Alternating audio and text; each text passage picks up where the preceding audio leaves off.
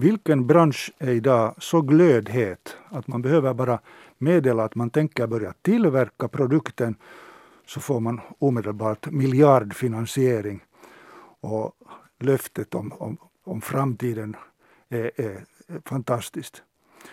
Eh, det handlar om elbilar och det är det vi ska tala om idag i pengarnas värld. Jag heter Pekka Palmgren, välkommen med. Och välkommen med dagens gäster, Hanna Kalenoja. Tack. Du är forskare i transportsystem. Du vet ett och annat om både bilar och trafik.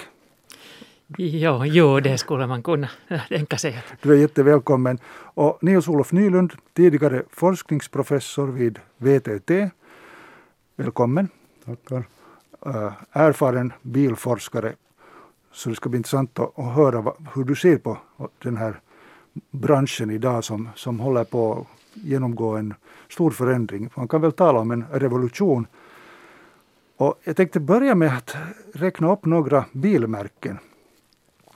Lucid, Rivian, NIO, Xpeng, Li Auto, Geely, Polestar.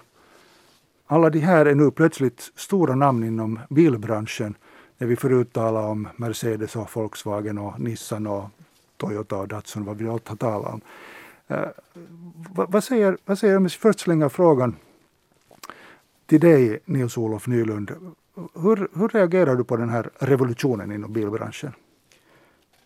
Det är ganska klart att äh, transportsektorn kommer att elektrifieras. En bra fråga att är det de gamla etablerade tillverkarna som tar st stora delen av marknaden eller är det de här nya, nya som, som ploppar upp? Tesla har ju gjort väldigt bra ifrån sig.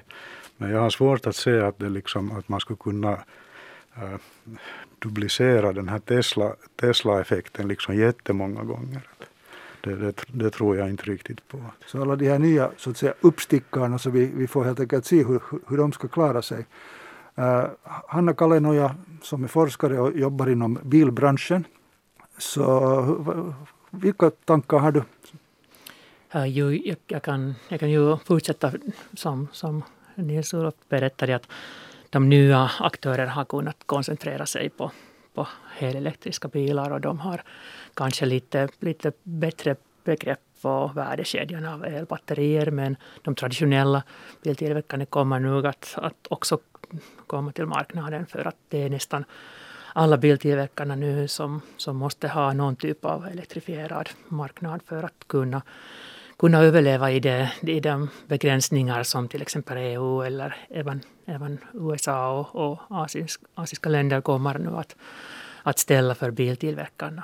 Men ännu om, om, om de här så att säga, nya märkena som till exempel Rivian som ägs till 20 procent av Amazon eh, eller nu förstås Tesla som, som redan nämndes. De kan ju vara ha fördel av att kunna koncentrera sig på det här nya i motsats till till exempel Volkswagen eller Stellantis eller någon av de här traditionella biltillverkarna som samtidigt måste tillverka bensinbilar och som kanske liksom är fast i den här gamla produktionen. Och jag såg här nyligen en uppgift om att Volkswagens VD faktiskt själv hade sagt att det tar 30 timmar för Volkswagen att bygga en ny elbil medan det tar 10 timmar för Tesla. Är det sen också så att de här nya kommer att sopa, sopa golvet med, med de gamla?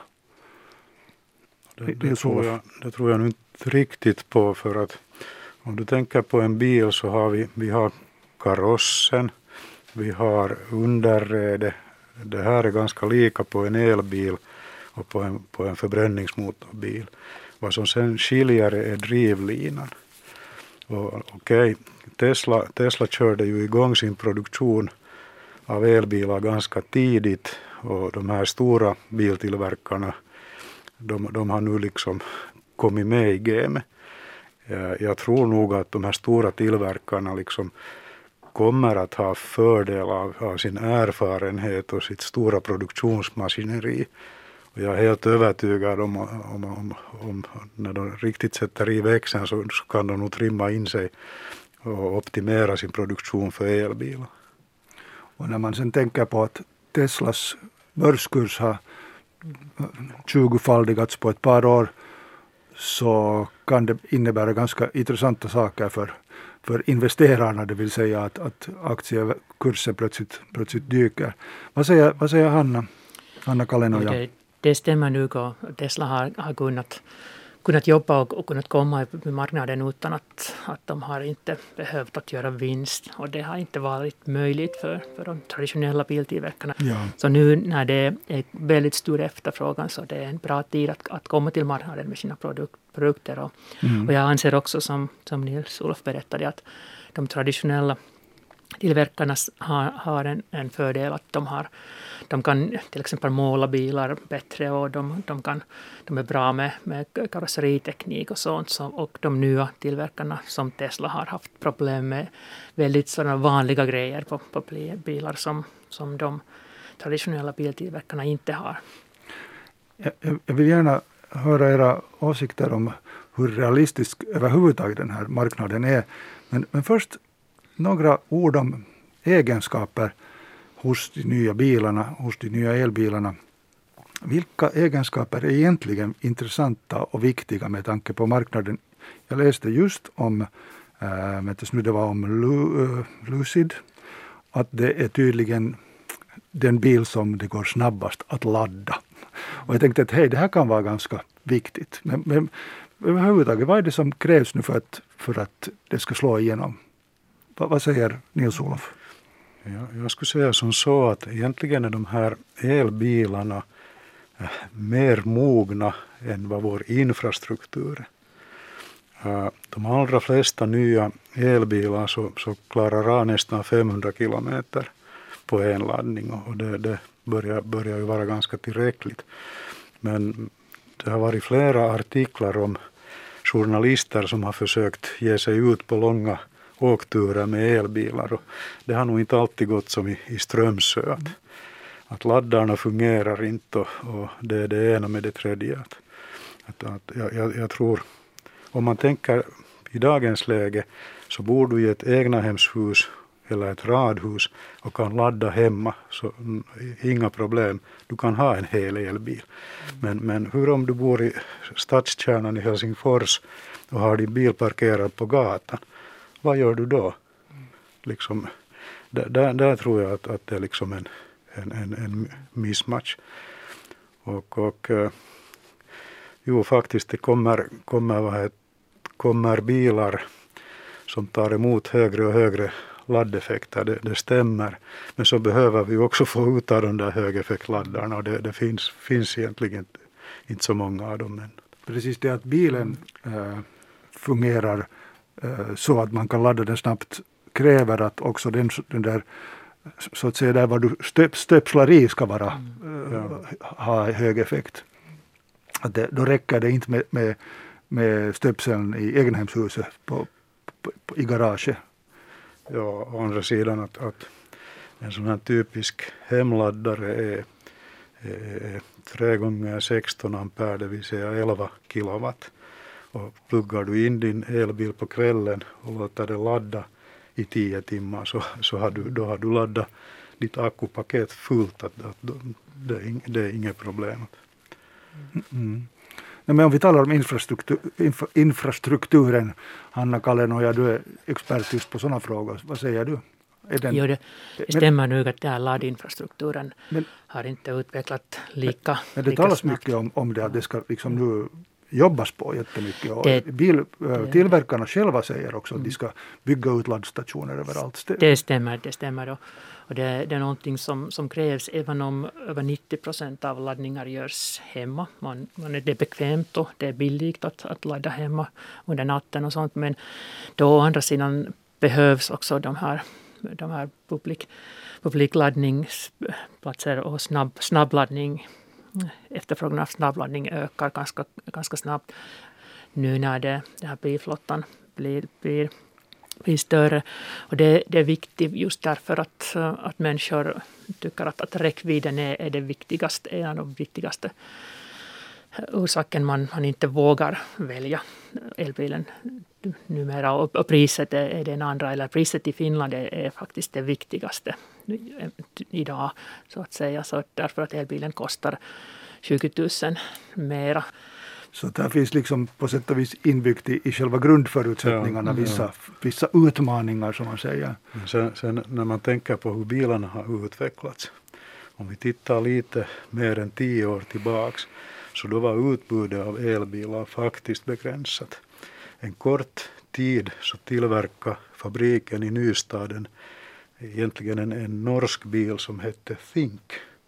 En liten tvåsitsig tvålkopp, ganska usel, usel bil som kanske klarar 100 kilometer på, på el. Den kostade 2009 så kostade den 50 000 euro. Ja. Den kostar lika mycket som en E-Mercedes eller en 500 series BMW. Och nu om du tittar idag vad du får för 50 000 euro. Du får fantastiskt fina elbilar. Med då en, en räckvidd på, på 500 kilometer. Ordentliga bilar. Nu har det talats om räckvidd och det är naturligtvis viktigt, speciellt i ett land som Finland med stora avstånd. Eh, det har talats om laddningshastighet och laddningsmöjligheter. Eh, eh, vad är annat, tror ni, avgörande för, för elbilsbranschen? Vad ska det finnas för att folk ska bli ivriga? Och priset har vi talat om att det borde komma ner och det ska väl komma ner då. Men, men jag, menar, jag har suttit i en Tesla någon gång och det är en ganska kul upplevelse med, med, med stor skärm och på något vis det blir en sån här grej av det där. Tr- Tror ni att det finns en attraktion liksom som, som ändå helt enkelt liksom känslomässigt påverkar? Jag, jag tror nog att, att konsumenter är ganska teknologineutrala. Det, det är endast en liten, liten, eh, liten procent av, av person som, som vill ha en, en viss typ av, av teknik i sin bil. För de, för de mesta är det, är det viktigt att, att det räcker till, till det man, man, där man vill köra. Och, och det är inte just det här ishavets resor eller Lapplands resor är någonting som man alltid, alltid vill, vill kolla om, om det räckvidden är tillräckligt lång. Så det är ofta, eller det är också så att man skulle liksom tänka lite på nytt. Så att, att om, man, om man kör i sin vardagsliv så det, det är inte ofta man kör mer än 200 kilometer per sträcka. Så det, det är inte vanligt. Så då vi skulle kanske ha en, en typ av service. Jag vet att, att, att, eh, att i varje fall en, en leasingföretag nu även har en service där om man, om man har en privat leasingbil som är elbil så kan man byta det för till exempel två veckor till en bensin eller dieselbil om man vill till exempel på sommarlov ha en, eller ska göra en resa till ishavet så kan man byta sin bil för, för några veckor och, och då gå tillbaka till sin elbil efteråt. Så vi behöver kanske sådana typ av service som skulle då, då hjälpa till om det, om det finns något ovanligt i här trafikmönstret och om man vill köra lite längre resor. Ja. Men om jag ändå insisterar ännu, att, att tror ni inte på att det finns en sån här attraktion hos Tesla? För att hur ska man annars förklara den här ivern som, som, som har höjt börskurserna till skyarna och, och liksom gjort Elon Musk till en, en ikon? Jag, jag tror han gjorde väldigt smart i det att han, han gick direkt i det här premiumsegmentet. Jag, jag menar att Teslorna är inte billiga. En Tesla S kostar väl runt 100 000 euro. Eh, den byggdes av, av, av jättebra komponenter och, och det blev en sån här superbil. Och, och faktiskt eh, blixtrande acceleration och annat. Så han, han skapade en sån här liksom referens som är, är är liksom, hur ska jag säga, intressant. Men, men det är att samtidigt så ger det lite fel signal för att, att inte kan alla världens elbilar i framtiden vara, vara lika, lika lyxiga och lika, ha lika stor hög prestanda som en Tes- Tesla S. Men han, han har gjort bra business där. En, ännu om börskurser och annat, att det är ju intressant sen att om Elon Musk råkar nysa så kan det ju hända att, Ja. kursen halveras. Det- är sant, det har inte bara med bilen att göra utan det har med någonting helt annat som inte kanske ens går att förklara annat än med en, psykologi. en dimension ännu det här hur konsumenten tänker är kanske andrahandsvärde. Och där, där har vi väl en stor fråga ännu. Att, äh, tillverkarna ger i allmänhet en, en, en åtta års garanti på batteripaketet. Men sen å andra sidan medel, äh, medelåldern på, på de finska personbilarna är 12 år och skrotningsåldern är något 20 år. Så vad händer vid åtta år? att, att, att du har investerat ganska mycket i en elbil. Är den värdelös vid åtta år när, när batterigarantien är slut? Eller vad händer? Och det tror jag att vi inte riktigt vet ännu hur liksom, andrahandsvärde ser ut. Mm. Ja, vi, vi har ju lite erfarenheter från Norge nu. Där det har, de har ju haft ganska lång tid lite större mängder av, av, av elbilar där. Och, och, det tycks vara så att livslängden för batterier har varit mycket, mycket längre än vad man trodde i början. Och då, vi vet då också att, att battericeller kan förnyas så att man behöver inte liksom byta hela batteriet. Man kan okay. förnya det på, på annat sätt. Och, och då vet vi också redan att de äldre batterier har en sån liksom second life, en annan, annan typ av, av, av, av användning till exempel som, som, som någon typ av, av reserv. Jo, just det. Så, så det, det kan vara också en, en ganska viktig eftermarknad för, för elbilsbatterier. Så, så jag tror att biltillverkarna inte inte väldigt oroliga om, om batterier, men det som är en viktig fråga är att, att kommer det att, att kanske bli någon typ nyvinnande teknologi på batterisidan som, som efter fem år gör det så att, att de bilar som är nu på marknaden kommer, kommer att bli väldigt liksom, gammalmodiga eller de är inte så, så, så populära eller, eller så lockande i, i det här efterhandsmarknaden. Så det, det är någonting som vi inte, eller ingen vet, vad, vad händer där på batteriteknologins sida. Vi sitter här alltså i pengarnas värld och diskuterar med två forskare, erfarna forskare som, som sysslar med bil och trafik och transportfrågor, Hanna Kalenoja och Nils-Olof Nylund. Och jag tänkte fråga er att är det här nu, hur mycket av det här som vi sitter här nu och diskuterar och som jag är så ivrig över, hur mycket är det hype? Vad är liksom realismen när det gäller utvecklingen av bilbranschen? Är det så att EU-regler och andra regler tvingar bilbranschen in i det här och det är liksom ingenting att diskutera? Eller kommer vi de facto ännu om 20 år att ha rullandes på vägarna bensinbilar en majoritet? Att vi kommer nog att, att ha säkert bensin och dieselbilar i bilflottan. Om 20 år? Om 20 år. De bilar som nu köps, de, de körs ganska, ganska sannolikt 20, 21, 22 år som, som även, även tidigare. Men då i, i nybilsregistreringar kommer vi att se ganska snabba förändringar för, för det är nästan lagstiftningen eller, eller krav i, i, i den globala bilindustrin nu strävar efter elektrifiering. Så det, det är ju på väg vi är på. Men det, går, det, eller det händer inte så så snabbt för det finns många kritiska mineraler som behövs väldigt stora mängder och det, det går inte lika snabbt i olika, olika länder i världen. Men Euro, Europeiska unionen och, och, och USA är, de är mycket aktiva. De har väldigt hårda krav för biltillverkarna. Och förstås, det, det här är väldigt viktigt att, att vi kan lösa det här koldioxidproblem från trafiken. Så, så det, det är någonting som, som vi, alla, alla tillverkarna måste, måste ta väldigt allvarligt. Ja. Nils-Olof, vad säger du? Jag skulle också säga att, att det här Alltså i Europa så är det EU-regelverket som driver det hela. Alltså 2021 fick vi redan en skärpning av CO2-utsläppen för personbilar. Och jämfört med 2021 så, så med de beslut vi har nu så skärps kraven 37,5 procent år 2030. Om man tänker att vi 2021 redan är på en ganska låg nivå och skärper ytterligare 37 procent så blir det, unge, så blir, blir det sådär ungefär att, att 2030 så är en biltillverkare, han bygger en förbränningsmotorbil så måste han bygga en elbil. Och det, det är enormt höga sanktioner om biltillverkarna inte uppnår de här gränserna. Och nu i somras fick vi det här förslaget i Fit for 55-paketet och, och, och det, det, sa, det säger att, att, att det skulle skärpas minus 55 procent 2030 och, och de facto så står det skrivet indirekt att ett förbud mot nya förbränningsmotorbilar 2035. Så, så det, det här är någonting som tillverkarna lever med. Men å andra sidan sen att om vi funderar på att, att ett motiv är att sänka koldioxidutsläppen. Det finns inte nollutsläppsteknologi.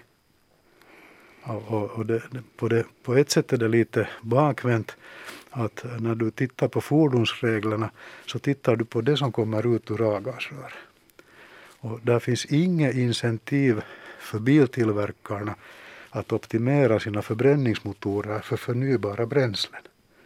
Okej, okay, om vi funderar på att, att, att jo, vi ska sänka totala koldioxid, koldioxidutsläpp, då ska vi komma ihåg att inte vindkraft nollutsläpp. För du behöver massa stål, komposit, koppar och det ena och det andra för att producera de här möllorna. Och sen när du producerar din elbil, så i dagens läge så har du faktiskt större utsläpp när du producerar elbilen än en förbränningsmotorbil. Och, och i, i Norden har vi ju en bra situation vad beträffar elen. Där Nordpol, det i snitt är, är lågt CO2-utsläpp vid, vid kraftgenerering. Så i Norden är nog en elbil alltid liksom eh, en bra sak för klimat. Indien, Kina genererar sin el med kol. Och då till och med utsläppen från bara energikedjan är högre än om du använder bensin eller diesel. Så tyvärr har den här liksom diskussionen blivit för enkelriktad. Men, men när jag tittar nu på registreringsstatistiken för november så 37 procent av bilarna som nyregistrerades i Finland i november var laddbara. Så det, det är ju ganska mm. otroligt. Alltså, hur var det, det var Ja, det var 14 procent 14 procent rena elbilar. Elektriska, ja. 20, 23 sen eh, laddhybrider.